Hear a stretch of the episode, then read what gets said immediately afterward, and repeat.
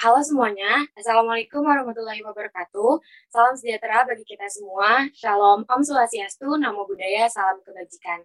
Selamat datang kepada para pendengar di podcast kelompok 1 mata kuliah pengantar sejarah publik, program studi ilmu sejarah, Fakultas Ilmu Pengetahuan Budaya, Universitas Indonesia.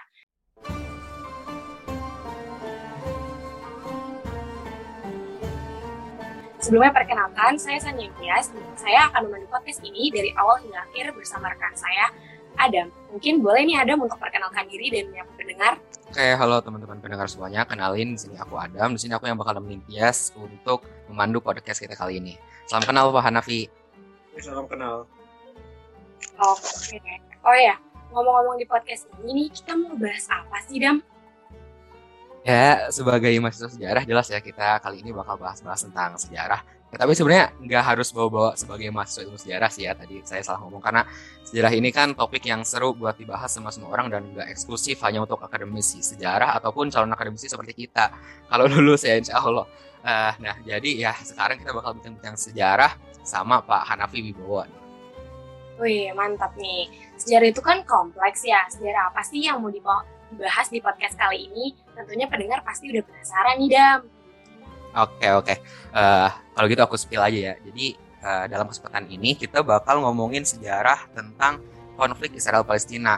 Nah sebelum kita masuk ke inti pembahasan, aku mau ngasih sedikit pembuka dulu nih sebagai ya hitung-hitung pemanasan ya. Jadi teman-teman kalau ngikutin berita sebelum-sebelumnya, beberapa waktu sebelum itu muncul beberapa berita tentang bentrokan antara pihak aparatur keamanan Israel dengan warga Palestina.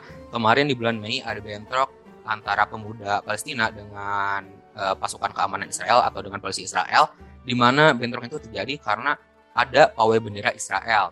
Nah, lalu selain itu di bulan April juga ada bentrokan antara polisi Israel dengan umat Kristen di Israel eh di Palestina karena adanya pembatasan perayaan hari suci bagi umat Kristen di Palestina. Nah, mengingat sebenarnya konflik ini tuh bukan konflik yang baru-baru terjadi ya, tapi merupakan ran rentetan konflik yang panjang yang sejarahnya bisa kita lacak bahkan beres dari Perang Dunia Satu. Nah, uh, kita tahu ada konflik Israel dan Palestina, tapi banyak juga yang belum tahu gimana sih awalnya itu sejarah konflik ini bisa terjadi itu kayak gimana sih sejarahnya. Nah, itu yang mau kita bahas kali ini, Tias. Oke, jadi podcast kali ini tuh kita mau bincang-bincang tentang konflik Palestina Israel pasca Perang Perang Dunia Satu. Nah, pasti seru nih, pendengar pasti juga penasaran kan bagaimana sejarah antara kedua pihak yang sering berkonflik tersebut. Hmm, bener banget, bener banget. Nah, eh, tadi udah pembukaan dan kita tadi udah bincang-bincang juga sedikit sapa-sapa sama Pak Hanafi. Nah, tapi siapa sih Pak Hanafi ini? Nah, jadi eh, kalau Tias, kamu tahu nggak Pak Hanafi ini siapa? Hmm, Pak Hanafi ini tuh merupakan co-founder dari media edukasi sejarah yang terkenal itu loh. Ya, bener banget. Media edukasi sejarah yang terkenal terutama buat kalian yang antusias mempelajari sejarah dan suka aktif di Facebook, Instagram, atau Twitter. Mungkin kalian udah gak asing lagi sama satu media di sosial media yang bernama Neo Historia. Nah, Neo Historia ini merupakan media edukasi sejarah dan juga komunitas sejarah yang sering kali mempublikasikan apa ya eh, sejarah-sejarah populer ke sosial media. Nah, apa yang aku suka nih ya dari Neo History ini sebenarnya kan banyak ya media edukasi sejarah selain Neo History kayak misalnya Inspect History atau yang lain. Tapi yang satu hal yang aku suka dan hanya ada di Neo History itu adalah komunitasnya. Aku gabung di komunitas Neo History di Facebook dan itu tempat yang seru dan rame buat diskusi sejarah. Nah, itu sih yang aku suka dan pelajaran sejarah yang dibawa sama Neo History ini asik gitu ya mereka suka ngasih konten-konten dalam bentuk meme itu sih yang aku suka dari Neo dari Neo Historia Wow, keren banget ya. Sungguh menarik nih uh, Neo Historia sebagai media yang memberikan edukasi tentang sejarah di berbagai platform sosial media. Nah, kalau begitu kita sambut dan sapa dulu pembicara kita kali ini, yaitu Bapak Hanafi Wibowo. Selamat datang di podcast kami, Pak. Ya, selamat ya selamat siang pagi. Bapak tadi uh, udah saya tanya kabarnya dan alhamdulillah baik ya Pak. Alhamdulillah. Ya. Oke sebelumnya tadi uh, kalau kita kan udah kenal ya sama Bapak. Uh, tapi Bapak sendiri boleh nggak nih Pak uh, kenalan secara langsung dari dari sini buat pendengar kita nanti di podcast ini? Oke, uh, Hanafi Wibowo. Hmm, seperti yang sudah disebutkan tadi, posisi saya posisi saya adalah co-founder di Neo Historia Indonesia. Ya saat ini saya berkediaman di Ciputat. Uh, atau belakang pendidikan saya ya uh, dari UIN dan eh, S2 hubungan internasional dari Universitas Palembang. Nah, kegiatan saya sekarang ya menulis. menulis. Oh, ya. Oke, okay. makasih Pak atas pengenalannya. Sama-sama dari sejarah ya. Cutting kita kira Oke, kalau gitu kita langsung aja ya nih masuk ke inti pembahasan dan ngobrol-ngobrol sama Bapak nih tentang sejarah konflik Palestina Israel yang tadi udah kita bahas sedikit. Nah, Pak, kalau setahu saya ya dan saya berbaca-baca juga dari website resmi Kementerian Kementerian Luar Negeri Republik Indonesia. Kalau Indonesia sendiri kan mengakui bahwa Palestina ini merupakan sebuah negara dan dilihat dari statement mereka di website resmi uh, Kementerian Luar Negeri juga di sana mengatakan bahwa apa Palestina adalah sebuah negara di di Laut Tengah sampai Sungai Yordania gitu kalau nggak salah kayak gitu. Nah, eh, namun selain Palestina di daerah Palestina sendiri ada juga satu negara lain yaitu Israel. Nah, di mana Israel dan Palestina ini sering kali berkonflik dan kalau saya baca-baca sedikit konflik ini pada awalnya terjadi karena sentimen gitu ya karena ada ada sentimen permusuhan antara bangsa Arab dengan bangsa Yahudi. Entah apakah ada sentimen permusuhan yang diakibatkan oleh perbedaan agama juga, kalau itu saya nggak tahu. Mungkin nanti Bapak bisa spill-spill sedikit. Nah, tapi yang saya tahu itu ya karena perbedaan ras dan adanya sentimen permusuhan ini, kedua negara ini sering sering kali berkonflik. Nah, kalau kita tarik sejarahnya lebih jauh eh, dulu lagi, lebih ke zaman dahulu lagi, masih di zaman modern sih ya, tepatnya setelah Perang Dunia Satu. Di sana kan Perang Dunia Satu itu uh, Inggris berhasil mengalahkan Turki Utsmani di daerah Timur Tengah sampai akhirnya Inggris menduduki daerah-daerah Utsmani Timur Tengah dan Palestina ini termasuk ke dalam wilayah yang diinvasi yang diambil oleh Inggris. Nah, setelah diambil oleh Inggris singkat cerita akhirnya Inggris ini diberikan semacam mandat kayak gitu ya, Pak. Semacam mandat dan ya singkat cerita itu kan akhirnya Israel ini bisa berdiri gitu ya singkat ceritanya. Nah, tapi saya sendiri masih belum terlalu paham dan mungkin pendengar juga masih belum terlalu paham kayak gimana sih peran peran negara-negara sekutu terutama Inggris dalam terbentuknya Israel ini itu gimana Pak dan terbentuknya negara Palestina juga karena kan sebelumnya negara Palestina itu masih apa ya belum ada negara Palestina waktu perang dunia itu kan Palestina itu masih di bawah kekuasaan Kesultanan Turki Utsmani ya tapi kemudian Inggris datang kemudian dikasih mandat dan muncul nih dua negara nah itu tuh gimana sih peran Inggris dalam terjadinya konflik sampai sekarang tuh kayak gimana sih Pak? Hmm. Oke. Okay. Jadi pertanyaan Anda sekarang fokus ke Inggris dulu ya? Iya, ke peran Inggris dulu Pak. Uh, ada pepatah yang populer, walaupun ini mungkin nggak satu akurat ya, tapi anggap aja ini namanya opini publik bahwa kalau ada dua ekor ikan berkelahi di dalam danau, pasti sebelumnya ada orang Inggris yang lewat. Karena saking banyaknya territorial dispute atau apa konflik horizontal yang terjadi di banyak bekas jajahan Inggris. Kebetulan. Ya sebetulnya nggak ada kebetulan sih tapi ya itu kebanyakan karena polisi-polisi yang kurang nah untuk kasus Palestina itu kita harus merujuk ke zaman uh, ya Turki Utsmani sendiri. Pertanyaannya kan nasionalisme di Arab tapi ada nasionalisme sih ada. Di beberapa daerah lain di Arab ada. Tapi itu kan nasionalisme itu sendiri tidak merata. Sebelumnya Inggris ngapain sih di Timur Tengah nah dia kan di antaranya kan memang punya kepentingan. Di Irak misalnya mereka ingin minyak. Ya British Petroleum mengincar minyak di situ. Makanya dia punya mandat itu selain Palestina yang daerah yang dikuasakan mandat kepada Inggris itu selain Palestina juga Irak.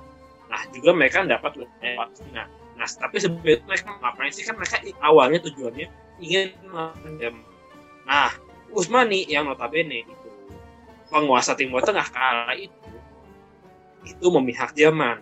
makanya supaya Usmani kerepotan dan juga supaya Inggris lebih mendapatkan hasil di Timur Tengah mendapatkan ya maksud itu bisa dilihat di kayak ini ya itu ya makanya mereka harus memecah belah ya Timur Tengah di antaranya dengan uh, ada orang mungkin kita menamati Ilo yang bertugas kurang lebih apa ya membujuk ya, penguasa Arab ketika itu supaya mau mendukung Inggris. Nah, penguasa Arab waktu itu sebetulnya adalah Syarif Hussein. Sebenarnya bukan penguasa Arab sih, penguasa Hijaz.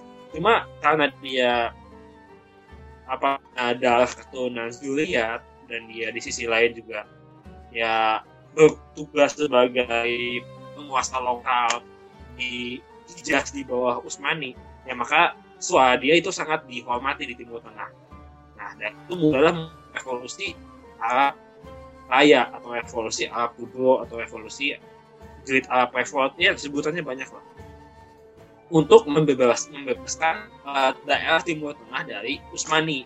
Kebetulan memang dari perspektif Arab sendiri, Utsmani itu melakukan apa ya? Ya ku, uh, kurang sebagai penguasa dianggap kurang adil. Karena mayoritas pejabat Utsmani itu adalah uh, hasil keturunan dari sistem Devshir awalnya.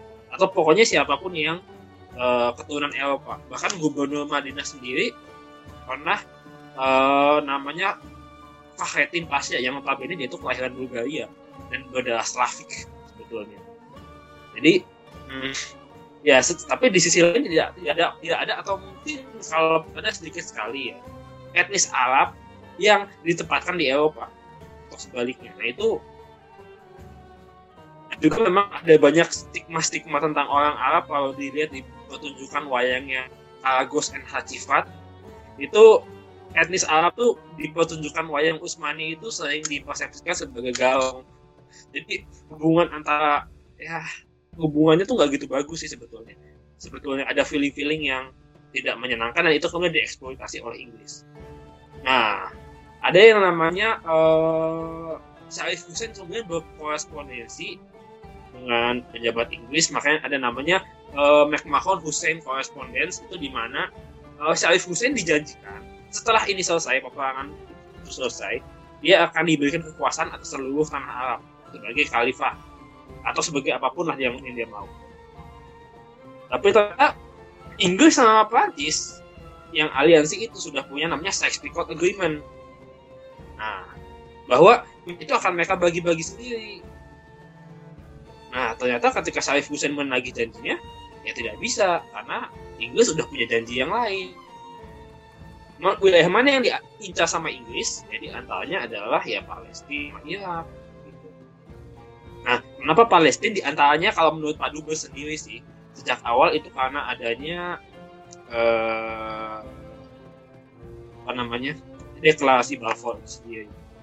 Ya deklarasi Balfour itu kan ada sebagai terima kasih untuk ya Chaim Weizmann seorang ilmuwan Inggris keturunan Yahudi yang sudah banyak berjasa membantu uh, usaha perang Inggris. Dan juga atas ya beberapa sumbangan uang dari orang-orang Yahudi kaya ya di antaranya itu juga ada Lionel Rothschild yang terlibat di situ jadi intinya sebagai balas jasa maka ya wilayah Palestina itu ada. Dan dari situ efek ikutannya saja adalah gerakan Ali kembalinya orang Yahudi ke Palestina. Walaupun sudah ada sebelum sebelumnya sudah tapi masih sedikit banyaknya pas kekuasaan Inggris. Nah dari situ eh, situasinya jadi mulai kacau. Kalau dari sisi internal orang Arab sendiri mereka itu sendiri eh, nasionalismenya belum terbentuk. Orang Palestina sendiri itu dirinya tadinya ya eh, lebih ke orang Syria Selatan sih. Sebutan Palestina tapi jangan lupa Usmani sendiri tidak pernah menyebut wilayah itu sebagai Palestina di dokumen resmi. Ke uh, Eyalet I Kudus I Mutasyarif uh, sorry G-nya harusnya nggak nggak dibaca sih.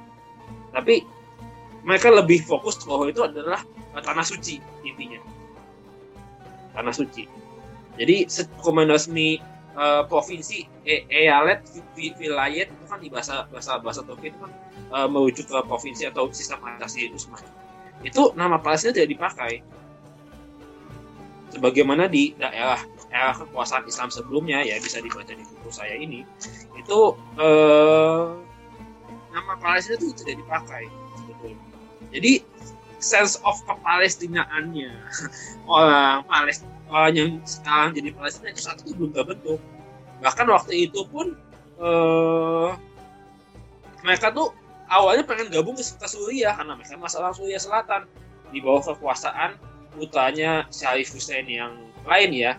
Uh, kan ada Syarif Ali terus Abdullah sama Faisal ya. Faisal itu awalnya pengen jadi raja Syria dan orang Palestina ingin ikut. Tapi sialnya Inggris udah janji sama Prancis bahwa wilayah Syria itu Suriah ya itu punyanya Prancis jadi Prancis akhirnya memberangus gerakan itu dan Inggris akhirnya uh, memberikan hadiah hiburan hadiah hiburan kepada Faisal untuk menjadi raja di Irak.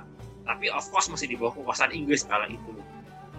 Nah, jadi orang Palestina gimana nih? Ya udah akhirnya terpaksa legowo di bawah kekuasaan Inggris sambil mereka mencari-cari uh, apa yang mereka tuh apa gitu.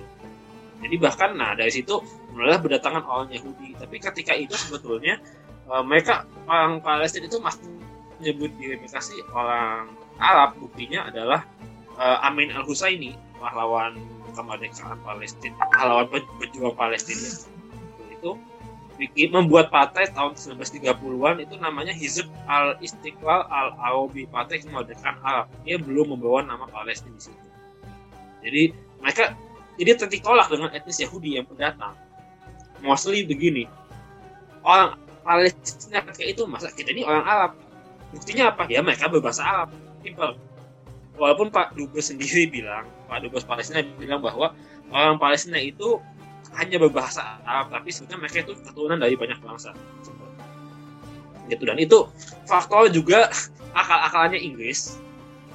E, kenapa ngelesnya mereka ketika mereka tidak menyerahkan wilayah Palestina, Syria dan segala macam kepada e, Salif Hussein. Mereka bilangnya gini, kan wilayah itu bukan etnis Arab. Ngelesnya gitu loh itu wilayah itu et, aslinya bukan orang Arab tapi bahasanya aja Arab. Nah gitu kan. Nah jadi ya tapi uh, of course orang di situ merasa dirinya Arab ya.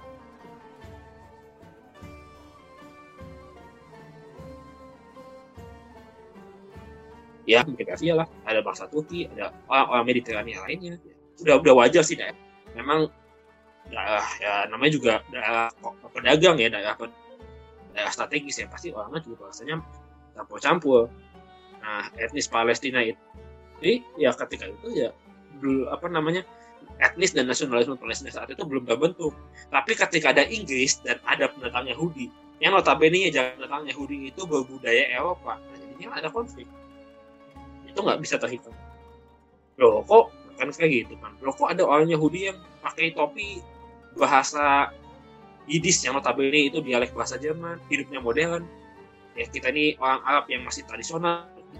Ada konflik. Nah itu Inggris menep dua entitas itu orang Arab yang hidup bene mayoritas masih tradisional plus orang Yahudi modern. Akhirnya ada konflik mungkin Inggris kalau husnuzon ya mungkin ngerasa mereka percaya diri. Buktinya di Malaysia sama di ya, lumayan terjadi kohesivitas. Bisa kan? Nah tapi balik lagi ini kan different case. Nah ternyata akhirnya tidak bisa gitu. Yes itu itu mostly ya apa yang bisa lakukan. Ya itu sih dari saya. Oke baik baik. Jadi benar-benar karena kebijakan Inggris yang salah kebijakan Inggris tapi berdampaknya sampai sekarang konfliknya panjang banget oh, iya. dan ya nah tadi menariknya tuh uh, ternyata saya baru tahu bahwa apakah bisa dibilang identitas nasional Palestina ini pada waktu itu karena memang belum terbentuk juga itu jadi lebih lemah ya daripada identitas nasionalnya bangsa Yahudi. Apakah bisa dibilang begitu, Pak? Iya, bisa dibilang begitu kan. Zionisme sendiri itu sebetulnya hmm, uh, diskeptiskan oh, Albert Einstein. Albert Einstein salah satu apa ya pendukung Israel, pendukung Israel karena dia temannya Chaim Weizmann dan dibujuk juga dan memang beliau sendiri masakan penindasan terhadap etnis Yahudi. Jadi beliau mendukung, tapi sebetulnya beliau itu agak terhadap Israel sebagai negara dengan nasionalisme dengan militer segala macam. Nah itu jadi ada yang skeptis. Dan memang itu adalah fakta bahwa Zionisme itu memang adalah gerakan nasionalistik dan Zionisme itu juga banyak cabangnya. Dan itu semuanya oh, kiri kayak uh, ZF Jabotinsky atau lebih uh, ya politik ZF Jabotinsky Golda Meir atau lebih yang agak lebih politik ya kayak ya Chaim Weizmann sendiri itu uh, intinya adalah itu gerakan nasionalisme. Israel sendiri udah udah kenal yang namanya gerakan nasionalisme. Kenapa? Ya karena mereka hidup di Eropa. Nasionalisme kan udah ada sejak zaman Napoleon kan? Mulai adanya nah setelah Napoleon tumbang kan mulai bangkit nasionalis nasionalisme Jerman dari situ. Mulai ada. Setelah nyawa Maui Suci karena ulah Napoleon sehingga Maui Suci juga jadi nggak ada lagi ikatan agama imperialitas nama ya kolektivitas masa lalu ya nasionalisme. Nah orang Yahudi udah tinggal di Eropa dan udah tahu itu nah orang Palestina. Ketika itu mungkin lebih ke apa ya mereka itu lebih ke uh, masih ke suubiyah atau ke uh, apa suubiyah istilahnya ya? Mereka tuh lebih ke ke kesukuan. Ya, ikatannya ilah ikatan klan. Maksudnya ya terutama orang eh, Palestina di situ. Itu masih ikatannya itu ke uh, kesukuan. Jadi kalau ikatan Watonia atau ikatan nasionalisme itu waktu itu mereka masih belum bilang itu nggak ada sama sekali tapi masih mencari bentuk ada yang punya nasionalisme elit-elitnya namanya Amin al uh, siapa namanya uh, uh, Nasasibi atau siapa namanya Waza itu punya nasionalisme tapi masih mencari bentuk. Mereka sendiri mengidentifikasikan diri sebagai etnis uh, mostly sebagai etnis Arab. Jadi masih mereka masih mencari bentuk karena bahwa ya Israel karena mereka sudah pemikirannya sudah lebih matang kala itu. Baik Pak. Nah seperti yang tadi sudah dijelaskan, kita baru tahu juga kalau misalkan uh, si Palestina ini sebenarnya nasionalismenya itu belum terbentuk, apalagi dibandingkan dengan Israel. Uh, malah uh, Palestina ini tuh awalnya ingin gabung dengan Suriah, tetapi tidak bisa dan terpaksa mau gak mau ada di bawah kekuasaan Inggris. Nah, uh, kita tuh kan bau tahu-tahu juga bahwa wilayah Palestina ini tuh masih menjadi perebutan. Sebenarnya apa sih Pak yang membuat wilayah Palestina ini tuh uh, begitu menarik sehingga direbutkan? Bahkan sejak masa Perang Dunia ke-1, Palestina ini tuh sangat menarik untuk bangsa Arab, kemudian Israel maupun Inggris. Jadi kayak apa sih yang membuat negara-negara tersebut tuh terobsesi dengan Palestina? Oke, balik itu kita harus membicarakan dari awal bisa dibaca di buku saya yang uh, kegagalan Palestina menjadi negara merdeka pesan di New Historia Tokopedia jika sudah stok. Tapi intinya begini, Palestina itu it's no tidak jauh berbeda dengan Ukraina dalam arti begini. Wilayah itu strategis dan subur. Palestina relatif subur, terutama di wilayah Sungai Yordan. Eh, di, ya sebetulnya gini, dulu nggak ada Yordan, Yordania itu juga Palestina sebetulnya jadi memang ya kita masih belajar geografis agak zaman dulu dan memang nggak bisa langsung dikompar dengan sekarang. Di dulu Yordania Palestina. Dan Palestina dan Yordania dan Lebanon itu dulu masuknya apa bilat Suriah Raya. Jadi nah tapi intinya adalah wilayah yang sekarang jadi Palestina itu, itu wilayahnya satu strategis kalau orang Afrika dari Mesir mau ke Asia pasti lewat situ. Orang Asia kalau mau ke Afrika pasti lewat sini. Nah, lalu subuh cukup subuh, ya di Sungai Yod, ya berdampak memberikan ke subuh. Ya di tepi barat itu subuh. Nah, wilayah agak pertengahan masih agak subuh yang sangat kering itu kan daerah Gunung Negev yang bawah, yang segitiga itu. Bawahnya Gaza. Itu, itu wilayah yang gesang itu. Tapi jadi ada dua faktor subur dan strategis. Dan faktor ketiga memang kemudian itu kata suci bagi agama-agama. Nah itu yang bikin uh, yang yang yang sewajarnya itu sudah pasti akan jadi makin parah. Ya kayak Ukraina aja, Ukraina itu kan kalau anda mau masuk dari Asia kayak kok pasti lewat dan sebaliknya gitu karena itu kan pada rumput. Jadi dua wilayah itu di jalan tol gitu. Nah buat uh, katakanlah tukang invasi atau bangsa penakluk anggapnya ya salah sendiri kenapa kamu tinggal di situ itu kan di tengah jalan gitu. kita mau lewat jadi akhirnya ya eh, dari abad ke abad itu Palestina itu selalu berganti-ganti penjajah ini. Kalau Indonesia dijajahnya sama berapa bangsa sih totalnya ya? Kalau kita nggak mau ngitung pola dari Tamil situ sebagai penjajah, kita hanya menghitung Barat dan Jepang ya kita ya dijajah oleh ya Portugis, Spanyol, Belanda, ya maybe Prancis sebentar tapi numpang lewat uh, Belanda juga. Terus Jepang sendiri ya sekitar kalau Palestina itu kan pernah di berpindah tangan dari ya ya Mesir pernah berkuasa di situ Assyria pernah berkuasa di situ tepatnya Neo Assyrian Empire. Terus ya ada bangsa Persia di situ bangsa Romawi itu ya bangsa Israel juga pernah berperang lawan bangsa lain bangsa Babylon juga pernah di, pernah menyerang wilayah itu. Uh, terus ya habis itu ya habis Romawi kan ya habis Romawi pecah jadi Romawi Barat Romawi itu habis itu uh, Islam kekhalifahan Islam berkuasa di situ terus ganti-ganti lagi penguasa sampai hanya Utsmani terus Inggris. Jadi uh, terlalu banyak yang uh, menaklukkan wilayah. Pakai Ukraina itu kan pernah dijajah oleh bangsa ya Gotik pernah Salmatia pernah ya Skythia pernah apalagi ya? Banyak sih. Kalau kalau kalau Ukraina Ukraina itu malah kalau nggak salah waktu di postingan histori itu dihitung-hitung lebih dari 13 jajah wilayah itu.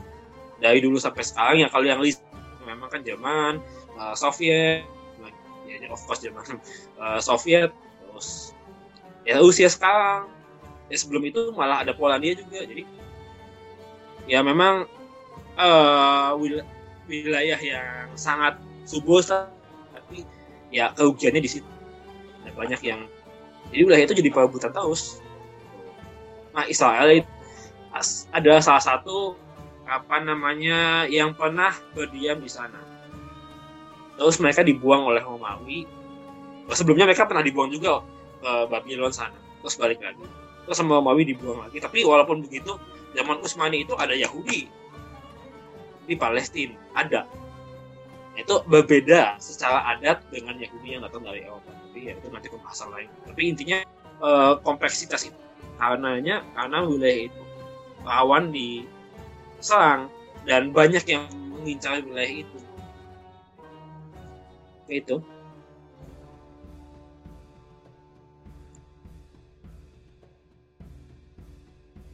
Baik, baik. Terus tadi waktu Bapak menyinggung bagaimana bangsa Arab ini dihasut sama Palestina, sehingga bangsa Arab kan apa ya melakukan pemberontakan terhadap Turki Utsmani ya. Dan melihat sekarang bangsa Arab memberontak Turki Utsmani artinya kan bangsa Arab membantu Inggris dalam meruntuhkan Turki Utsmani di Timur Tengah begitu kan ya?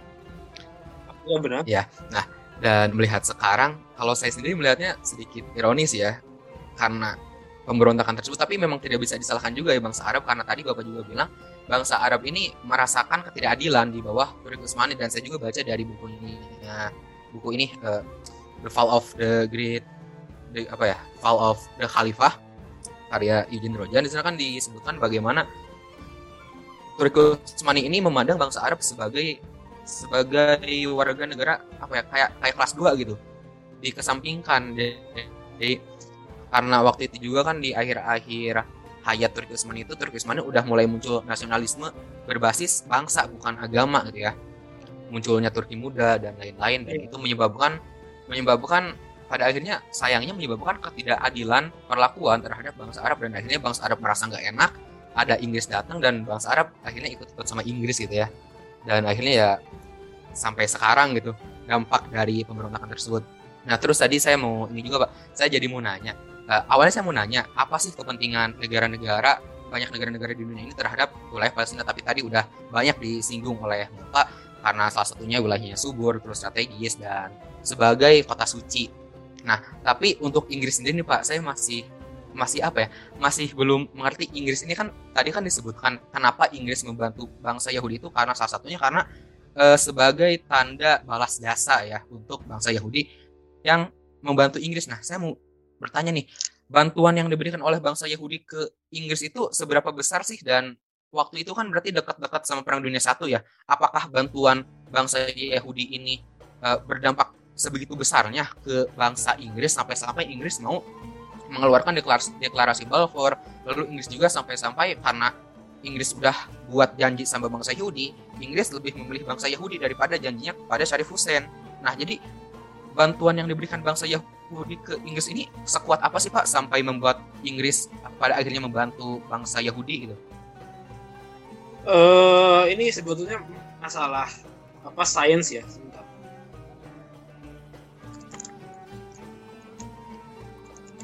Jadi uh, kuncinya tuh adalah uh, dari orang bernama Chaim Weizmann yang saya sebut tadi. Ya saya pertegas dua Chaim Weizmann itu adalah ya presiden pertama Israel ya. Perdana Menteri pertama Israel adalah David Ben Gurion dan presiden pertamanya adalah Chaim Weizmann. Nah, bantuannya seperti apa? Ini sebetulnya bisa Anda tanyakan ke yang ahli sains ya. Ini saya singgung sedikit aja. Jadi ketika itu untuk perang itu Inggris membutuhkan yang namanya aseton. Nah, aseton itu waktu itu yang punya banyak itu uh, aseton itu alias namanya propanon atau dimetil keton dua strip propanon itu uh, di sini disebutnya kalau itu diproduksi dari um, itu harus disintesis disintesakan dulu dari proses fermentasi bakteri itu anda tanya aja ke saintis ya tapi intinya itu itu itu penting untuk uh, keberhasilan orang Inggris. Nah, ketika itu yang punya banyak itu Jerman. Of course karena sebetulnya sainsnya Jerman itu juga sangat maju kala itu. Nah, uh, Chaim Weizmann itu bisa mengakali sehingga ya Inggris bisa ada banyak aseton gitu. Sehingga bisa menang perang lawan Jerman. Jadi ini masalah sains masalah sains dan ya of course ya bantuan uang jadi ada banyak sekali bantuan dari pihak Yahudi selain bantuan uang juga uh, juga bantuan secara saintifik yeah. itu kelihatannya itu kecil tapi signifikan kalau di dalam perang karena perang perang abad 20 perang dunia satu itu adalah perang teknologi. Semuanya itu ya bersaing untuk menunjukkan kebolehannya dalam dalam uh, aspek teknologi. Jadi perannya Chaim Weizmann itu ya sangat vital gitu. Itu lebih vital dibanding Syarif dibanding soal Syarif Hussein. Dan ini juga masalah lainnya adalah kalaupun nggak ada itu tetap janji itu akan dilanggar. Kenapa? Karena Prancis sendiri kan juga punya kepentingan di Lebanon dan uh, Suriah. Jangan lupa Suriah itu dulu kan pernah sebenarnya Suriah dan seluruh Palestina itu dulu pernah ditaklukkan sama Prancis waktu perang salib. Perang salib kan kebanyakan kesatuan Prancis. Jadi buat Prancis mereka juga punya kepentingan di daerah tersebut. Jadi kalau misalnya Inggris, jadi pada akhirnya Inggris tetap harus ngalah, tetap harus berbagi. Jadi janji janji apa ya? Janji janji uh, kepada Syarif Hussein itu janji kosong sih sebetulnya. Dan makanya Pak Dubes Palestina bilang bahwa Inggris itu seperti apa ya laki-laki yang mempunyai dua istri. Ya itu tepat atau nggak tepatnya itu ya saya kembalikan kepada uh, anda semua tapi itu maksudnya beliau maksudnya gini mengawini dua istri itu artinya berjanji kepada dua pihak yang berbeda yang mana itu pada akhirnya tidak akan menyenangkan semua pihak pasti ada pihak yang merasa dirugikan sedikit atau banyak nah, kebetulan dalam kasus ini yang paling banyak dirugikan adalah etnis Arab Palestina sebetulnya kalau keluarga Syarif Hussein itu ruginya cuma sebentar Salih Hussein tidak bisa menjadi penguasa Timur Tengah, itu dia rugi. Tapi anak-anaknya banyak yang mendapat kompensasi. Nah, kayak Faisal jadi raja di Irak. Abdullah menjadi raja, atau dulunya Emil baru jadi raja, itu di Yordania. Yang which is Yordania itu adalah sisi timur Palestina. Nama Yordania itu kan ah, dulunya Transjordania. Jadi gini, simpelnya gini, saya, saya jelaskan dulu. Uh, ada sungai Yordan di Palestina sisi timurnya, sisi barat itu namanya kalau di bahasa Latin itu adalah Cisjordania. Itu yang jadi tepi barat. Sisi timurnya itu disebut Transjordania. Jadi maksudnya maksudnya transportnya sebelah sana lagi gitu. Transjordania. Nah, Transjordania itu menjadi negara Yordania yang dikuasai oleh keturunan dari anaknya Syarif Hussein. Jadi actually keluarga Syarif Hussein sendiri itu dapat ya ganti rugi dari pengingkaran janji itu. dan karena mereka dianggap masih berguna masih memiliki manfaat bagi Inggris nah yang yang akhirnya jadi ngerasa komoditas sebagai komoditas yang di opa-opa itu kan siapa ya orang Arab Palestina terutama rakyat kecilnya ya nggak tahu apa-apa Et, elit Arab Palestina ya berjuang. Supaya negara mereka supaya wilayah mereka tuh bisa berdaulat bisa memerintah sendiri. Atau tujuan-tujuan besar lain. Tapi kan orang kecil kan nggak tahu soal itu. Ya mereka ya sebagaimana banyak golongan proletar ya kan dijadikan ya nasibnya jadi tidak menentu gitu itu sih. Hmm, ya jadi kalau Syarif Hussein tuh walaupun jadinya diingkari tapi dia masih masih fine fine aja lah ya istilahnya kayak gitu. Oh anaknya yang fine actually. Anak, -anak oh iya anak-anaknya. Nah terus tadi yang menarik juga ini gimana hubungan antara bangsa Yahudi dengan Inggris itu berkebalikan ya dengan bagaimana hubungan antara bangsa Yahudi dengan Jerman kan saya pernah kalau dari yang saya tahu Jerman ini pasca kekalahan mereka di Perang Dunia Satu mereka eh, Hitlernya terutama menyalahkan bangsa Yahudi karena Hitler menyalahkan bangsa Yahudi atas kekalahan mereka di Perang Dunia I. Tapi kalau Inggris ini berarti sangat berkebalikan ya. Kalau Inggris mungkin berterima kasih begitu besar ke bangsa Yahudi sampai-sampai ia mengeluarkan deklarasi Balfour dan membantu Yahudi. Kalau Jerman menyalahkan bangsa Yahudi sampai-sampai ia berujung pada genosida bangsa Yahudi di Eropa waktu itu ya. Ya itu ada ada alasannya sih. Hmm. Karena kita lihat saat apa namanya di ujung Perang Dunia Satu itu ada pemberontakan uh, komunis Liga Spartacus itu kan tokohnya Rosa Luxemburg itu komunis yang kebetulan dia Yahudi Lenin sendiri komunis Yahudi nah Hitler sendiri asalnya dia kan orang Austria tapi kemudian dia jadi tentara regimen Bavaria. Nah dia tinggal di Bavaria. Nah di Bavaria itu setelah Perang Dunia Satu itu ada ya, namanya uh, Republik Rakyat Bayern. Uh, pasti buat yang nonton bola tahu Bayern Munchen ini nama daerah namanya kan Bayern. Inggrisnya Bavaria Jermannya Bayern. Itu ada Republik Rakyat Bayern dan Republik Soviet Bayern nah dua-duanya itu didirikan oleh ya Ernst sama satu lagi siapa lagi uh, sama Karl Levin kalau nggak salah. Ya intinya dua-duanya itu dua rezim komunis itu itu dipimpin oleh Yahudi. Jadi sebetulnya gini ini bukan stereotip tapi memang Yahudi itu etnis yang cukup lama tertindas. Karena itu mereka berjuang itu sebagai jadi mereka punya kecenderungan ke arah revolusioner. Bahkan uh, Israel sendiri kan banyak elemen kirinya juga. Agak revolusioner juga Israel itu. Agak militeristik. Kalau orang bisa tertindas itu cenderung jadi revolusioner. Makanya banyak yang jadi komunis. Nah dari perspektif Hitler itu kalian semua tidak patriotis etnis Yahudi itu. Gitu loh. Karena kalian itu cenderungnya ya revolusioner. Revolusioner itu kan sinonim dari lu nggak berontak gitu loh. Kalian nggak berontak gitu loh gitu loh jadi itu kayak semacam apa kayak semacam aksi yang bisa dipahami aja gitu, gitu. oke okay.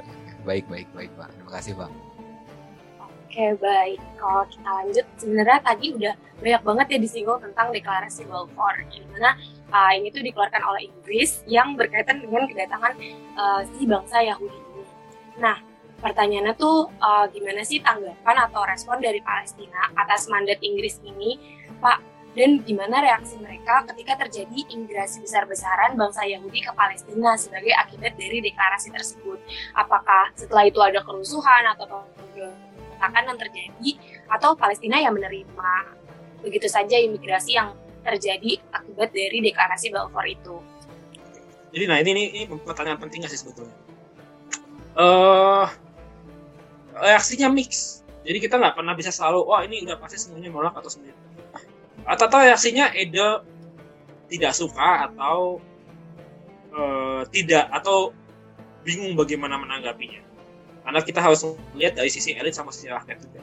Oh, ya jelas kedatangan Inggris itu di awalnya itu itu di apa namanya direspon dengan buruk oleh elit-elit ala Palestina dan mereka membuat pemberontakan pemberontakan Nabi Musa tahun 1920 itu intinya mereka menolak tapi kemudian sama Inggris akhirnya uh, keluarga Husaini. Ini keluarga pejuang Palestina kala itu. Sempat dikasih sanksi tapi kemudian dibebaskan lagi.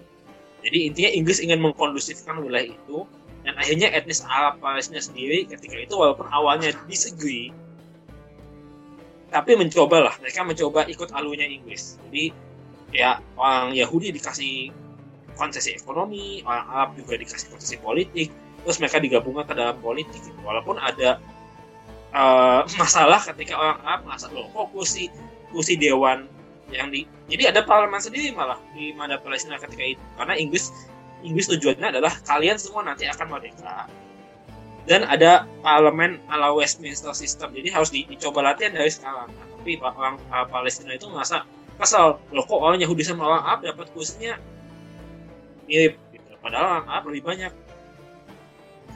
Selain itu ada juga masalah mengenai kok etnis Yahudi dapat konsesi ekonomi kayak uh, Inggris memfasilita memfasilitasi jaringan listrik di Palestina. Yang dapat konsesinya adalah Pinhas Gutenberg. Ya of course, ya karena dia itu etnis Yahudi Eropa yang punya duit, punya knowledge, yang orang Arab ketika itu belum punya. Jadi ya wajar dia dikasih. Jadi kayak gini loh. Kalau anda mau tahu kasusnya itu kayak orang maaf ya orang Indonesia non Tanglang, Tanglang Chinese maksudnya. Non Tanglang itu memandang orang Tangerang itu seperti apa? Wah kok orang Chinese itu dapat banyak konsesi ini ini itu ini ini itu. Kok mereka kaya? Itu tuh itu terjadi juga sama di Palestina tapi yang di situnya adalah etnis Yahudi. Yang dipersepsikan demikian. Nah ada lagi juga uh, kan orang Yahudi banyak yang datang tuh lewat proses yang namanya aliyah. Ini ini actually aliyah tuh artinya kan naik kalau di sini kan ada istilah madrasah aliyah maksudnya sekolah tinggi sekolah lanjutan jangan lupa bahasa Arab sama bahasa bahasa Ibrani itu masih satu rumpun loh. Jadi makanya kosakatanya banyak yang mirip aliyah. Nah, itu. Jadi banyak Yahudi yang datang. Nah, mereka datang kan butuh tempat tinggal, butuh rumah, butuh apa. Nah, mereka punya apa? Uang. Mereka banyak ngebeli dari etnis Arab yang kebanyakan ber yang kebanyakan bekerja sebagai uh, felahin. Felahin itu golongan petani Arab. Felahin. Jadi mereka ngebeli Nah awalnya ya yang etnis Arabnya ya beberapa beberapa banyak yang merasa senang senang saja gitu. Atau oke okay, oke okay aja. Oh iya saya dapat duit ya kamu bikin rumah. Tapi lama-lama akhirnya uh, ya makin lama akhirnya ya etnis Arabnya loh. Dulu waktu saya masih jadi petani saya punya pemasukan uh, rutin. Sekarang saya jadi nggak punya. Terus etnisnya etnis Yahudi jadi kaya. Itu kasusnya mirip kayak uh, pernah dengar miliarder yang dadakan itu nggak? Yang tanahnya dibeli sama Pertamina terus mereka beli mobil. Ya ini ada kasus seperti ini juga terjadi di Palestina ketika itu. Nah terus makin banyak etnis Yahudi yang datang. Nah makin ada konflik. Nah orang Yahudi diperbolehkan beribadah tapi mereka ingin tembok itu punya mereka karena hak historis tidak ingin terjadilah konflik. Tahun 1929 ya itu yang agak brutal sih jadi orang Arab tuh juga banyak uh, apa ngebunuhi ya ngebunuhi atau ngebakar hidup-hidup orang Yahudi ya banyak tapi nggak terlalu banyak tapi cukup. Horrible ya cukup. Ya kerusuhan namanya juga kerusuhan kerusuhan etnis. Itu sampai terjadi kayak begitu. Dan itu di antaranya juga Inggris juga berusaha supaya uh, dari situ Inggris mulai mencoba supaya penjualan tanah itu jangan masif.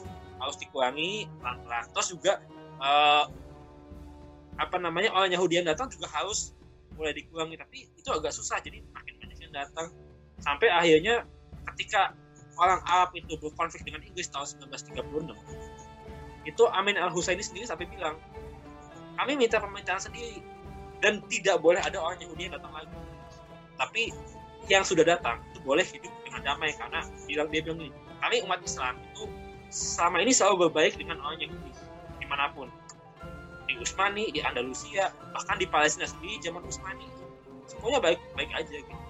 Jadi memang ya itu ya karena makin banyak etnis Yahudi yang masuk ada kesenjangan ekonomi ada mungkin dianggapnya itu perlakuan yang diskriminatif dari pihak Inggris ada pemanjaan. Jadi dan belum lagi budaya dan bahasa yang berbeda antara Yahudi Eropa dengan uh, etnis Arab Palestina yang selama ini hanya kenal orang Yahudi. Di situ yang ini membaju Timur Tengah dan berbicara dengan dialek Ibrani yang berbeda. Akhirnya ada konflik gitu. Ya ini kalian tuh siapa? Kalian tiba-tiba datang. Kok kalian jadi kaya? Kok kalian gini gini gini? Kok kalian gini gini gini? Kok hidup kita sekarang begini? Itu pertanyaan yang muncul kali itu. Di mata kebanyakan orang, orang Palestina. Dan itu sedikit banyak ya elit elit Palestina ketika itu juga juga merasakan hal yang serupa gitu. Walaupun tuntutannya beda. Kalau elit itu udah berpikir kita butuh pemerintahan sendiri. Tapi kalau rakyat itu masih butuh. Masih masih mikirnya ketika itu ya yang penting gimana kami hidup gimana tanah kami. Nah itu konflik yang terjadi. Nah bahkan setelah uh, setelah akhirnya orang Arab itu berontak dari tahun 36 sampai 39 uh, Inggris memberhentikan imigrasi Yahudi. Jadi nggak boleh ada lagi orang Yahudi yang masuk ke Palestina. Itu Inggris pernah bikin kebijakan gitu. Jadi Inggris tuh selama ini Inggris Inggris itu mencoba memperbaiki kesalahannya. Inggris punya niat baik.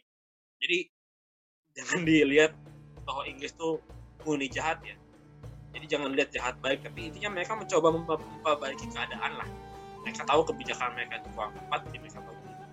Tapi sialnya itu udah agak terlambat. Nah orang Yahudi yang tadinya udah banyak yang datang terus tambah lagi ada Hitler di Eropa. Itu masa? Loh kok sekarang nggak boleh masuk? Nah, masalahnya ketika itu Amerika sendiri tidak membolehkan orang Yahudi masuk gitu. Karena takutnya orang Yahudi itu akan membawa paham yang tidak benar. Kan ada contohnya yaitu uh, Emma Goldman. Emma Goldman itu orang Yahudi dari Rusia pindah ke Amerika. Akhirnya dia jadi aktivis anarkis. Aktivis uh, demo buruh yang membuat pengusaha Amerika juga sebel gitu. dan menurut persamaan hak apa uh, mencoblos bagi perempuan juga salah satu kan ya. dan juga intinya dia dijuluki perempuan paling berbahaya di Amerika. Jadi karena tendensi Yahudi yang cenderung progresif dan revolusioner itu juga bikin Amerika jengah. Jadi orang Yahudi nggak boleh masuk ke Amerika. Nah mereka pengennya masuk ke Palestina akhirnya. Nah sama Inggris juga nggak dibolehkan. Ketika memaksa masuk yang kapal ditenggelamkan ada yang dipulangkan balik ke Jerman Amerika juga melakukan hal yang sama. Jadi mereka masuk secara ilegal ke Palestina. Nah orang Arab Palestina juga ikut lagi akhirnya. Lo kok tetap kalian tetap datang sih? Nah kayak gitu. Jadi nah orang Yahudi di, yang udah ada di Palestina yang merasa kesel. Loh kok saudara kami nggak boleh masuk? Kok keluarga kami nggak boleh masuk? Kok kami nggak boleh masuk? Ini Inggris zalim ini. Jadi hanya Inggris sekarang dituduh sebagai zalim sama Arab Palestina dan sama Yahudi sendiri. Wah Inggris itu nggak benar. Jadi Inggris makin pusing dari kebijakan yang salah akhirnya semua pihak menuding dia. Dia makin pusing gitu. Iya iya, iya. menarik menarik pak. Bisa sekompleks itu ya jadinya. Dan sebenarnya saya saya sendiri baru tahu bahwa Inggris punya kan baik ya. Saya kira ya saya kira tadi gitu. Inggris tuh benar-benar lepas tangan tapi enggak juga ya ternyata.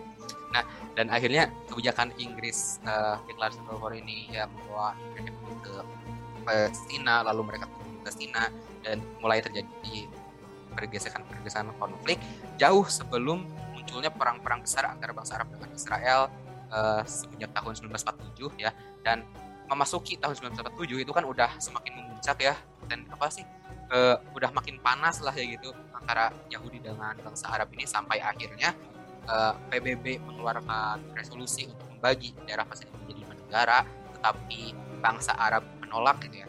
Nah, di penolakan bangsa Arab ini sering kali muncul di di di debat-debat kusir di sosial media, Pak. Kalau saya lihat di grup FTV Hysteria atau di Quora itu saya sering kali melihat banyak orang yang menyalahkan salah sendiri kenapa bangsa Arab menolak resolusi PBB. Jadinya kan sekarang sampai sekarang mereka dijajah. Kalau mereka menerima kan bisa punya negara. Gitu. Tapi kalau saya sendiri melihat ya wajar-wajar aja gitu bangsa Arab itu menolak resolusi tersebut karena tadi karena bangsa Arab itu kalau saya kalau saya melihatnya bangsa Arab ini memandang ini tuh rumah mereka. Tiba-tiba datang pendatang yang punya budaya berbeda yang punya bahasa berbeda ada kesenjangan ekonomi ada rasa iri dari bangsa Arab yang penduduk Palestina tiba-tiba tanah mereka mau dibagi secara resmi. Dan pembagiannya itu lebih banyak dikasihkan kepada bangsa Yahudi ya kalau nggak salah dari resolusi itu. Sehingga akhirnya bangsa Arab menolak gitu. Dan kalau saya sih melihatnya ya wajar-wajar aja menolak gitu ya. Itu mau gimana pun juga ya natural bakal terjadi bakal terjadi penolakan gitu. Nah, tapi kalau dari Bapak sendiri gimana nih Pak? Bapak memandang penolakan uh, resolusi PBB ini oleh bangsa Arab, pandangan Bapak sendiri gimana Pak? Uh, kalau guys bawahi, uh, resolusi itu bukan kali pertama ada pembagian wilayah Palestina. Pembagian pertama itu adalah Pil Commission atau Komisi Pil tahun 1930. Itu sudah ada pembagian. Ditolak Tapi, juga Pak itu? Uh, ditolak oleh etnis Arab. Nolak mereka nolak karena dianggapnya ya, ya, ya dengan alasan yang sama. Uh, tapi itu ada agak berbeda ya. Tahun 1937 itu yang menolak itu mostly kan memang etnis Arab Palestinanya elit-elitnya sedangkan tahun yang resolusi PBB itu itu ketika itu sebetulnya uh, Palestina itu sudah menyilahkan apa namanya wewenang untuk urusan dalam negeri mereka kepada Liga Arab mostly yang menolak itu adalah yang elit Palestina sendiri dan Liga Arab oh. yang sudah punya urusan di situ kan setelah tahun 39 setelah tahun 39 itu elit-elit uh, Palestina itu banyak yang kabur keluar negeri karena dipersekusi oleh Inggris karena mereka memberontak. Nah, di antaranya mereka itu banyak yang numpang kayak Amin al Husaini kan numpang di Jerman, ikut sama Nazi gitu, numpang lebih gitu ngebantu Hitler. Nah, terus ya sama FNT terpencah lah. Nah itu masalah Palestina itu kemudian diambil alih sama Liga Arab sejak apa namanya deklarasi uh, Alexandria itu diambil oleh Liga Arab. Jadi Liga Arab maksudnya yang nolak. Tapi intinya tetap tidak mengubah fakta bahwa dua kali itu dua kali menolak. Tapi seperti yang anda bilang itu benar. Uh, masalahnya jadi gini kita harus membedakan antara uh, ini dibilang salah sendiri itu setengah benar hanya setengah benar karena gini loh uh, balik lagi Indonesia kan juga pernah digituin Indonesia ngeklaim seluruh Nusantara kan? Eh nggak seluruh ya seluruh India Belanda lah. Seluruh India Belanda. Tapi kan kita secara de facto itu hanya bisa bisa di Jawa dan Sumatera dan Madura gitu.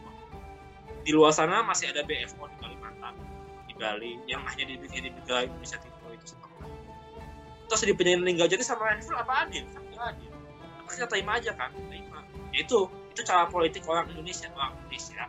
Dia belajar politik dari sekolah-sekolah Belanda itu diajar oleh guru-guru Eropa nah orang Arab Palestina elitnya ketika itu belum diajari hal-hal seperti itu bahwa kita tuh harus ngalah dulu.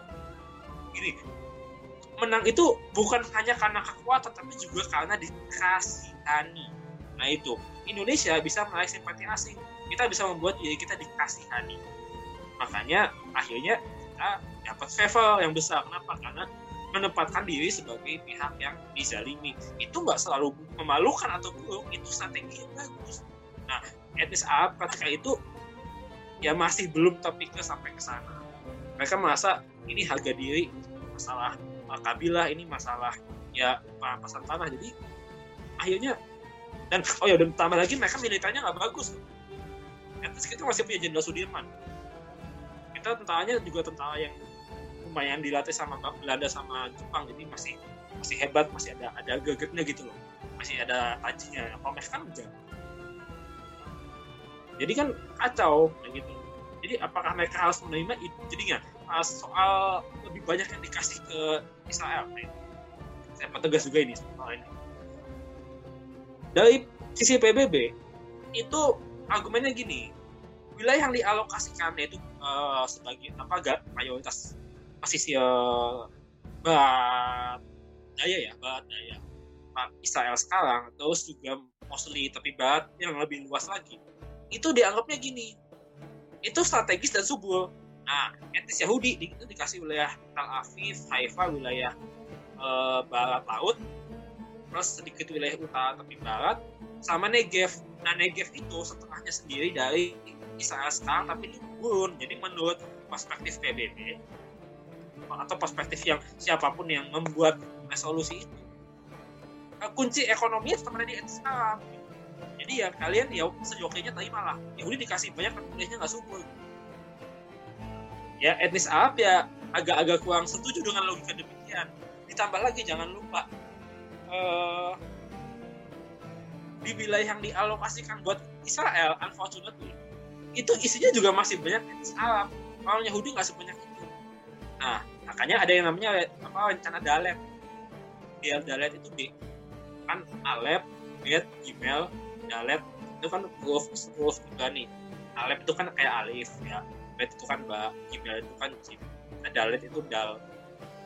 Uh, itu ya ini kayak huruf ya of course bahasanya jadi uh, itu rencana supaya untuk ya membersihkan lah.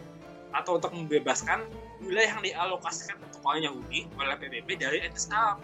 Jadi etnis Arabnya dibersihkan ya, ada yang dibunuh, ada yang diusir segala macam.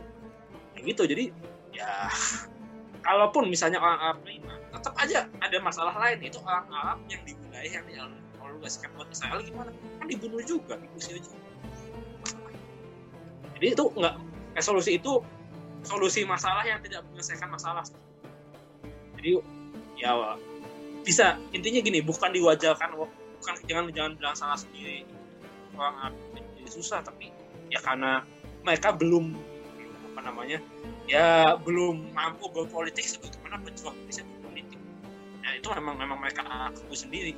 Kan pada gue bilang mereka itu terlalu ketika itu terlalu ya terlalu terburu-buru lah terlalu uh, berapi-api sehingga akhirnya bisa nah sekarang sudah tidak seperti itu lagi Oke Pak, sebenarnya tadi poinnya di terakhir ya kalau misalkan sebenarnya resolusi ini juga yang pertama bukan resolusi pertama uh, yang ada dalam bagian wilayah Israel dan juga Palestina, terus juga uh, si apa resolusi ini tuh sebenarnya bukan resolusi yang menyelesaikan masalah dari kedua negara ini, terus juga uh, si Liga Arabnya ini sebenarnya Palestina ini sebenarnya udah menyerahkan keputusannya kepada Liga Arab tapi ternyata Liga Arabnya ini sangat menolak dengan adanya resolusi itu karena uh, Liga Arab masih mempermasalahkan harga diri dan Liga Arab juga pada saat itu militernya juga nggak bagus. Nah dari tadi kan kita banyak banget uh, Pak ngebahas tentang bangsa Arab atau si Liga Arab ini.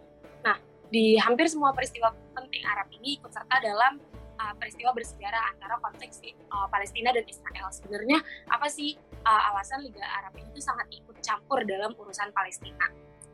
Oke, uh, ya Liga Arab Al Jami'ah Al Arabiyah. Nah itu. Uh, kalau di protokol Alexandria itu di 1946, mereka menganggap bahwa wilayah Palestina itu memiliki karakter Arab, yakni dihuni oleh orang-orang Arab dan menggunakan bahasa-bahasa Arab. Jadi mereka anggap bahasa itu udah absolut. Itu agak bertolak belakang dengan perjanjian Sykes-Picot yang bilang Palestina itu tidak murni Arab. Itu dua-duanya benar nggak ada yang salah di situ. Ini masalah perspektif aja. Nah, jadi setelah itu Liga Arab membentuk namanya Komite Eksekutif Arab. Nah, itu yang tadi saya bilang, itu yang mewakili Palestina di kancah internasional ketika itu.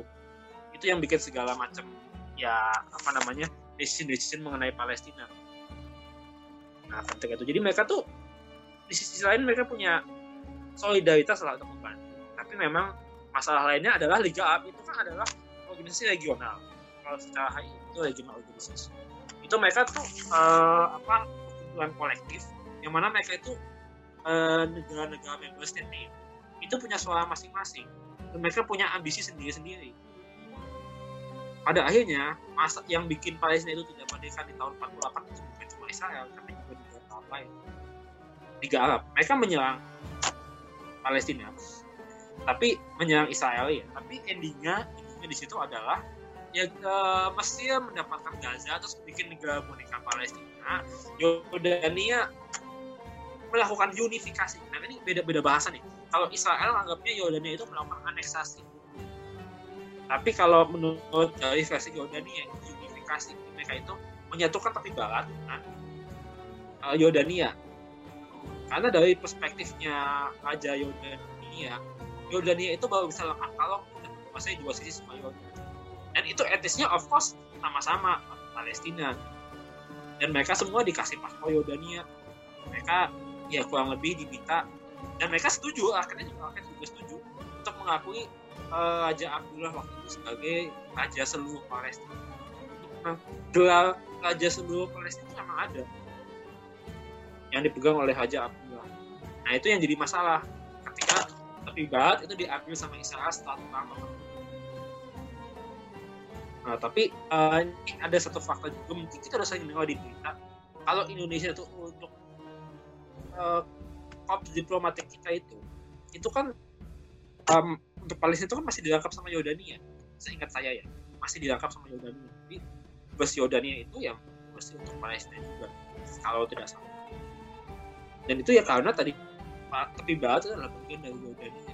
Jadi memang ya Liga Arab sendiri punya ambisi punya kepentingan masing-masing membernya juga punya kepentingan. Jadi mungkin ya kalau dihitung itu ya, ya solidaritasnya asa ingin membantunya ada sedikit tapi ambisinya yang banyak dan kenapa nggak selesai masalah ini kan juga karena di antaranya kan uh, ya di satu sisi uh, antara Yordania sama Mesir dua negara yang menang tahun 48 itu maksudnya menang tuh mendapatkan sebagai tanah Palestina.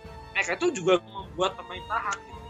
jadi orang Palestina itu benar-benar aware dan bangkit nasionalismenya 100% itu setelah perang tahun 67 setelah mereka hilang setelah mereka nggak dikuasai lagi sama Mesir atau Yordania tapi oleh Israel. Baru mereka realize bahwa mereka itu sepenuhnya. Mereka itu harus berjuang demi Palestina. Karena Liga Arab ternyata juga nggak juga nggak tulus sepenuhnya demi mereka. Tadinya mereka fine fine aja sebagai orang Yordania atau sebagai orang Mesir. Ya of course mereka juga punya uh, kenangan soal Palestina tapi pasti mereka tadinya fine aja gitu. Sampai perang tahun 67 di mana Yordania dan Mesir itu kalah. Jadi ya seperti itu. Oke oke terima kasih Pak atas jawabannya atas pertanyaan yang disampaikan sama Tes tadi. Nah tadi kan uh, tersinggung juga peperangan Arab Israel 1948 yaitu yang perang awal-awal Israel merdeka. Lalu diserang sama Arab itu iya, kan nah nah itu tuh uh, saya tuh penasaran. Dan di sana kan Israel berhasil mempertahankan negaranya dan mengambil uh, wilayah-wilayah yang wilayah-wilayah Palestina ya dan Palestina sendiri kan tadi dianeksasi sama apa kalau bahasa Yordania itu diunifikasi, kalau menurut saya itu dianeksasi sama Yordania, terus di Gazanya itu diambil sama Mesir. Nah, eh, yang saya penasaran itu Israel gimana sih? Dia bisa dia dapat kekuatan tempur dari mana sih? Kan karena dia ini kan baru baru berdiri ya ini baru berdiri. Nggak lama dari dia berdiri tiba-tiba diserang sama bangsa Arab tapi dia berhasil mempertahankan negaranya. Nah dia ini dapat kekuatan dari mana dan bagaimana dia mendapatkan kekuatan tersebut dan kenapa bangsa Arab yang seharusnya gitu? Mereka ini kan ya nggak nggak baru banget berdiri kayak Israel gitu ya baru banget berdiri langsung diserang. Seharusnya kan kalau saya mikirnya kok bisa ya bangsa Arab ini berkoalisi tapi tetap gagal menghancurkan Israel pada waktu itu? Nah itu gimana tuh pak? Kenapa eh, kenapa gagal bangsa Arab dan kenapa Israel bisa berhasil mempertahankan negaranya? Jadi memang ya maaf kata memang secara siap budaya mentalnya persenjataan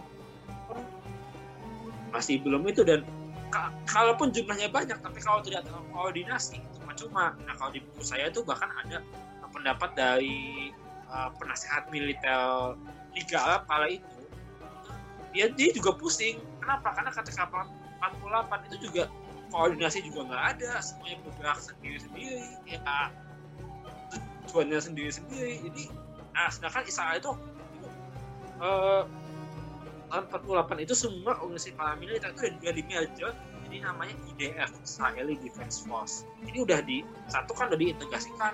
Jadi mereka tuh cepet. Nah, ya kita lihat hasilnya. Jadi walaupun banyak walaupun lebih lama walaupun dapat senjata dari Soviet juga belum tentu belum tentu bisa menang. Karena kan perang kompleks banyak aspek. Kalau salah sedikit itu bisa menentukan hasilnya banyak. Ini ya karena orang Palestina dan orang di sini nggak siap. Nah ketika perang tahun 67 kan juga itu sedikit banyak kan. Kalau baca bukunya Julius Aca kisah para diktator kan Kemal Abdul Nasir sendiri juga sedikit setengah mengancam siapa yang nggak mau menyerang Israel kala itu akan dicap sebagai pengkhianat bangsa Arab. Jadi yang lainnya pun ada yang sebetulnya belum di perang tapi asal perangnya malah juga. Jadi nah itu memperumit keadaan padahal kalau perang itu apalagi kalau perang aliansi itu itu butuh banyak persiapan butuh koordinasi yang benar. Jangan orang Arab dulu orang Eropa juga pernah mengalami masalah yang sama. Jika perang Napoleon misalnya itu juga ada masalah yang sama. Ini bukan ya, itu masalah itu bukan bukan bukan monopolinya bangsa Arab aja tapi memang kebetulan di sini di Israel itu nggak pengen gagal itu saat tidak ingin gagal. Mereka mereka nggak mau ini gagal. Mereka udah bersusah payah untuk ke ini. Kita harus berhasil. Nah, itu yang paling penting. Mindset itu yang mereka punya. Oke, jadi mindset uh, Israel inilah yang paling penting dan paling utama adalah uh, kemenangannya uh, Israel dengan Liga Arab. Nah, masih seputar kekalahan Arab nih Pak. Kali ini tuh tentang perang enam hari yang mana Arab itu berhasil dipermalukan Israel lagi karena kekalahannya. Nah menurut Bapak apa sih dampaknya kepada Palestina dan bagaimana pendapat Bapak mengenai hal tersebut? Oh, perang enam hari. Jadi memang seperti yang sudah saya sebut tadi, uh, itu orang yang bisa dibilang apa namanya tadi bisa dibilang itu ya mengkristalisasi nasionalisme Palestina hingga ke tahap tertinggi ya. Bahwa mereka tuh aware bahwa mereka tuh harus berjuang dengan kekuatan sendiri demi nah, tadinya kan kalau kita tanya balik lagi pasti ada perbedaan jauh antara elit sama rakyat.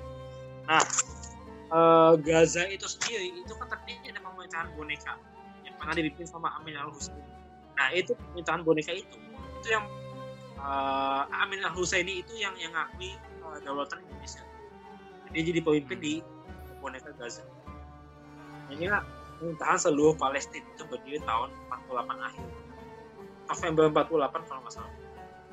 Nah itu itu negara bonekanya mesti ya. Jadi itu punya negara. Tapi nggak ada uang beredar nggak ada apa. Jadi semua ditentukan oleh Mesir. Nah, di sisi lain kan ada tapi barat itu jadi bentuknya Yordania jadi bahkan nggak ada pemerintahan Palestina sendiri di kenapa? Karena Raja Abdullah sudah mendeklarasikan diri sebagai raja seluruh Palestina jadi ini agak lucu ya. Jadi tahun 48 itu eh, yang di Gaza itu ngakui seluruh Palestina yang di tepi barat ngakui seluruh Palestina tapi sebetulnya wilayah Palestina yang misalnya dikuasai oleh Israel. Itu klaim tapi nggak punya. Nah yeah. itu Gaza sama tepi barat lebih lagi sama Israel malah Israel jauh lagi itu sampai ke semenanjung Sinai. Jadi bisa aja semenanjung Sinai juga diambil dari Mesir. Ketika itu. Kan datang di Golan juga kena juga. Ya ya sudah sendiri juga. Yang notabene sampai sekarang pun militernya ya tidak tahu sendiri. Kalau kemarin nggak dibantu akhirnya orang Palestina yang tadinya udah oke okay, saya sudah di wilayah Mesir. Ya setengah-setengahnya saya diperintah oleh yang bahasanya sama eh tiba-tiba dikuasai Israel yang tepi barat oke okay, saya sudah jadi warga negara Yordania eh tiba-tiba dikuasai Israel jadi tiba-tiba mereka menemukan diri mereka jadi warga negara lagi. Tadinya sudah nggak terjajah sekarang mereka senasib dengan orang Palestina yang ada di bawahnya Israel lah. Ketemu lagi kita. Sekarang kita sama-sama jadi negara jadi rasa terjajah lagi. Jadi orang Palestina udah ya udah kita harus membuat nasionalisme gitu. Kita harus berjuang uh, demi diri kita sendiri gitu ternyata Liga Arab mengecewakan seandainya itu berhasil ya mungkin ya ya mungkin entah ada negara Palestina baru tapi mostly kayaknya sih mostly kayaknya Mesir sama Yordania nambah wilayah lagi. Itu yang akan terjadi kalau misalnya berhasil Yordania nambah wilayah Mesir nambah wilayah Syria Suriah nambah wilayah kayak gitu. Jadi kalaupun berhasil mungkin Palestina juga nggak ada. Tapi mungkin akhirnya akan lebih happy gitu oke okay, ya udah yang penting kita nggak diproses sama bangsa tapi karena kalah ya udah mereka makin tidak happy. Karena sekarang mereka sudah dikuasai oleh ya oleh Israel gitu sepenuhnya. Iya dari situ akhirnya apa nasionalisme mereka makin terbentuk itu uh, itu perang yang sangat fatal sebetulnya. Kalau perang tahun 48 ya ada yang namanya Nakba mereka diusir. Kalau yang ini tahun 67 ya wilayah yang tadinya tidak dikuasai Israel. Itu kayaknya lepas tangan Israel. Sangat disayangkan dari perang tahun itu dan kalau nggak kalau di dunia Julius aja ya siapa eh, Gamal Abdul Nasir sebagai inisiator perang itu yang notabene sebetulnya dia ngelakuin itu karena dia ngelihat nasionalisme Arab itu mulai pudar. Jadi dia berusaha menyatukan Arab kembali dengan mencari musuh yang sama. Tapi akhirnya gagal juga. Solusinya adalah menyalahkan Amerika soal hubungan diplomat wah ini gara-gara Amerika salah Amerika. Itu yang menyedihkan dari perang ya baik baik. Bangsa Arab gagal. Gagal lagi.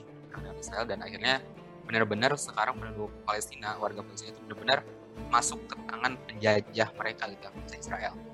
Ya sangat disayangkan. Nah eh, dan dengan begitu tadi seperti yang bapak juga bangsa Palestina jadi harus mulai berjuang sendiri mereka jadi sadar bahwa Liga Arab itu mengecewakan dan mereka jadi sadar juga bahwa nasib kita ini harus kita perjuangkan sendiri gitu.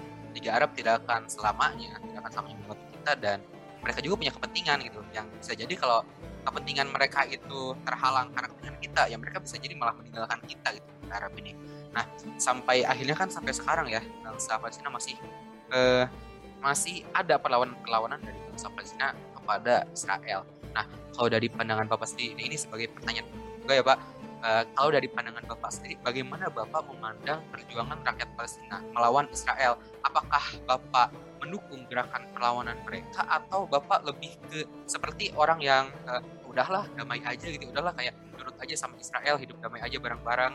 Dan uh, kemarin-kemarin kan sempat ada solusi kalau nggak salah namanya itu two state solution ya di mana mau kembali lagi seperti zamannya resolusi PBB tapi kan itu sampai sekarang kalau saya ngelihatnya dengan dibentuknya berbagai dibentuknya banyak sekali pemukiman Israel di daerah tepi barat itu nampaknya kayak udah semakin susah ya susah untuk terwujud nah apakah kalau menurut Bapak apakah bangsa Palestina masih bisa merdeka saat ini dan bagaimana pandangan Bapak terhadap apakah bisa bangsa Palestina hidup damai dan hak asasi manusianya terjamin di bawah Israel. Gimana nih Pak kalau pendapat Bapak? Gimana ya? ya ini kompleks sih. Ini kompleks. Uh, ya, tadi udah Anda bilang sendiri. Seenggaknya di berat sendiri. Jadi gini, agak ribetnya gini. Gaza itu sudah dilepaskan sama Israel. Sudah dilepaskan oleh Israel. Itu tahun tahun 2000 juga disetujui tahun 2005 pelepasan Gaza itu. Jadi Gaza merdeka. Tapi wilayah tapi listrik, air dan udaranya masih dikuasai Israel. Ini mereka kayak pulau dikuasai oleh Hamas. Dan di sisi lain, kan soalnya ya. Ini kalau banyak dapat cap gitu karena uh, kaitan mereka dengan musuh. Tapi baratnya sendiri itu dikuasai oleh faksi yang moderat yang lebih bisa diterima oleh dunia katakanlah gitu tapi tapi tapi secara de facto Gaza itu terbagi atas 167 pemukiman Arab Palestina pulau-pulau kecil yang sisanya dikelilingi oleh pemukiman Israel. Ribet. Nah jadi yang punya otoritas diakui dunia malah sebenarnya secara de facto tanahnya lebih sedikit. Nah ini ini ini, ini juga akal-akalnya Israel juga sih. Jadi makanya dibilang pelepasan Gaza itu juga sebetulnya nggak itu juga bukan solusi karena Gaza dilepaskan tapi Israel ngambil banyak tanah dari tepi barat gitu. Dan itu kan dua partai yang berbeda ya. Ibaratkan aja kan gini lah kalau misalnya negaranya pecah jadi dua nggak ada tanah yang nyambung terus yang satu dikuasai oleh partai nasionalis yang agak agak katakanlah seperti partai merah di sini yang satunya agak seperti partai hitam. Ini saya nggak sebut apa tapi anda tahu apa. Itu ya pasti kan nggak nggak akan kompak kan? Nggak akan kompak. Nah itu nggak kompaknya itu bukan karena sengaja nggak kompak tapi karena wilayahnya kan kepisah. Indonesia aja yang sebetulnya wilayahnya nggak terlalu kepisah aja kan kita tahu sendiri di Sumatera Barat ini siapa di Jawa Tengah kandang siapa kan kita tahu. Tapi kan kita udah merdeka nah kalau ini kan mereka belum jadi kan ribet kan masalahnya. Nah jadi uh, apakah mereka bisa merdeka atau tidak nah itu uh, kita harus terus optimis ya harus. Sebetulnya tadi, tadi disinggung two state solution ya. Sebetulnya sudah menganut two state solution. Ya, yakni apa? Kita akan mengakui Israel jika hanya jika jika masalah Palestina hmm, sudah diselesaikan oleh mereka. Palestina sudah diberikan kemerdekaan sepenuhnya. Nah, menurut Pak Dubes Palestina, Israel, Palestina sekarang itu belum merdeka seutuhnya sejatinya karena ya ternyata aja ya masih ada penduduk Israel bagaimana Israel baru kan berarti belum merdeka sepenuhnya apakah akan merdeka kelak? Ya kita harus punya optimis punya harapan. Ya ya jadi apa namanya? Ya juangan masih berjalan terus dan yang optimis lah nanti. Ya se seenggaknya nih kalau kita kita kita optimis dukungan untuk Palestina sekarang alhamdulillah lebih banyak dari zaman zaman walaupun ia tanahnya diambil satu persatu tapi seenggaknya dunia internasional banyak yang apa memandang positif kepada Palestina ya. Walaupun yang mengaku Israel sendiri itu masih lebih banyak dari 150 fase 123 tapi ya sudah sudah ada banyak kemajuan lah. Maksudnya kalau kalau kita ngelihat dari titik awal yang nolnya Palestina sendiri berjuang sampai sekarang itu sudah ada kemajuan. Tapi ya memang ada banyak kesulitan dari Israel. Jadi sebetulnya yang kuncinya di sini kalau mau merdeka itu adalah uh, Palestina sama negara-negara tetangga itu nanti kesepakatannya gimana? Karena percuma juga misalnya ada kesepakatan tapi nanti ada yang nggak setuju. Saya bikin misalnya gini ini ada yang punya ide tapi berat gabungin aja lagi ke Yordania. Nah Israel nggak setuju negara lain nggak setuju nanti wilayahnya Yordania tambah besar. Nah lain-lain kan ada ego-ego kayak gitu. Nah atau kayak gini atau ada solusi digabung nanti yang lainnya nggak terima lagi. Jadi harus ini bukan masalah internal Palestina aja tapi baik Israel Palestina dan negara lain itu masih satu suara dulu. Nah itu yang susah jadi entah sampai kapan masalah ini akan berlanjut. Dan kayaknya Israel akan terus ngambil tanah ngambil tanah ngambil tanah uh, di internal orang Palestina sendiri apakah fine dengan ini? Banyak yang fine tapi juga banyak yang enggak. Jadi ada memang orang uh, Palestina yang udahlah gitu kita hidup di Israel aja. Gitu. kita jadi warga negara Israel yang baik. Tapi banyak juga yang ngerasa wah saya diambil tanah saya diambil. Jadi ada yang fine tapi juga banyak yang tidak fine. Sekarang. Ya namanya juga kita gini namanya juga orang katakanlah terjajah ya. Dulu Indonesia aja di Belanda ada yang sudahlah kita uh, setia aja sama Belanda lah jangan cari mas uh, tapi juga ada yang ya udahlah uh, apa kita kita merdeka. Situasi ini tidak menyenangkan. Hal-hal seperti itu akan selalu ada kalau di situasi itu oke baik. Terima kasih pak ya tadi itu pertanyaan penutup dan ya, terima kasih sekali lagi atas jawaban. Pak jadi kalau saya nangkepnya uh, dan kalau saya sendiri ya ya harapan masih ada dan seenggaknya harapan untuk warga Palestina yang mana kalau dilihat dari perspektif agama mereka kan saudara-saudara kita juga. Seenggaknya menyenangkan bagi saya untuk mengetahui bahwa harapan untuk rakyat Palestina untuk bisa hidup terjamin hak asasi manusia itu masih ada seenggaknya. Walaupun mungkin secara politik masih susah dan masih jauh terutama dan sekarang juga masih stagnan dan takutnya yang saya takutkan itu karena stag karena terus-terus kayak gini terus-terus satu pihak masih bertikai satu sama lain takutnya tuh kalau yang saya takutnya dari sisi politik itu keburu terlambat sepenuhnya keburu pemukiman Israel makin banyak makin ribet makin kompleks lagi makin nggak bisa sepenuhnya untuk mereka secara politik. Itu sih yang saya takutkan. Tapi ya seenggaknya untuk uh, kesejahteraan warga Palestina sendiri seenggaknya itu masih ada harapan ya untuk untuk bisa iya, terwujudkan ya begitu Pak. Uh, mungkin berarti sekarang saya coba mengulas dulu ya dari tadi obrolan kita. Oke, jadi tadi uh, teman-teman pendengar semua tadi kita udah ngomongin dari awal ya, dari awal bagaimana pasca perang dunia satu uh, Inggris mengalahkan Utsmani mengambil daerah daerah-daerah Timur Tengah jadi Inggris dengan Prancis sampai akhirnya menciptakan masalah yang kompleks. Lalu bangsa Arab berkonflik dengan Israel akhirnya mereka perang berperang perang 48 Israel masih menang karena kualitas militer mereka yang bagus. Lalu akhirnya perang lagi sampai perang lagi di perang 6 hari 67 di mana bangsa Arab mengalami kekalahan besar. Dan akhirnya perang 67 ini yang menjadi titik baru titik baru ya kalau saya melihat.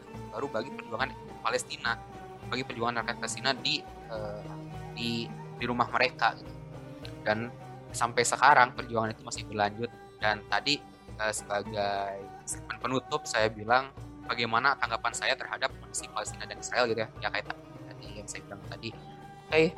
uh, eh, terima kasih Pak untuk pertanyaan untuk titik pembahasannya. Mungkin sampai di sini. Terima kasih banyak sekali lagi. Sangat saya mendapatkan banyak insight yang banyak sekali. Dan tentunya teman-teman pendengar juga nanti uh, ini kan bakal saya share lewat Spotify mungkin di Facebooknya History juga. Mungkin akan saya share dan insya Allah pasti bakal ngasih banyak ilmu buat orang-orang yang mendengarkan terima kasih Pak Ya, baik kalau gitu uh, sangat disayangkan ya Gang ngobrol-ngobrol sederhana kali ini dengan Bapak Hanafi Wibowo itu udah dicukupkan.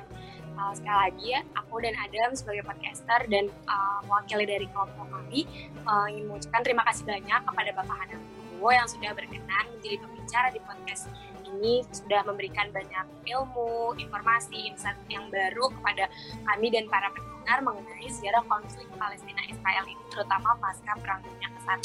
Sekali lagi terima kasih banyak Pak Hanafi Oh ya, jangan jangan lupa uh, ini buat teman-teman yang dengerin podcast kami nanti teman-teman bisa ngecek akun-akun sosial medianya Neo Historia buat ngikutin akun-akun mereka dan jangan lupa pembahasan konflik Israel ini tadi kita berbincang-bincang dengan Pak Hanafi, saya jadi tertarik juga dengan pemikiran Pak Hanafi dan tulisan Pak Hanafi dalam buku uh, dalam buku Pak Hanafi di Mengapa Palestina Kiriman Merdeka. Itu mungkin bisa jadi bahan bacaan yang bagus. Nanti, bakal saya beli Pak. Makasih ya Pak buat bincang-bincangnya.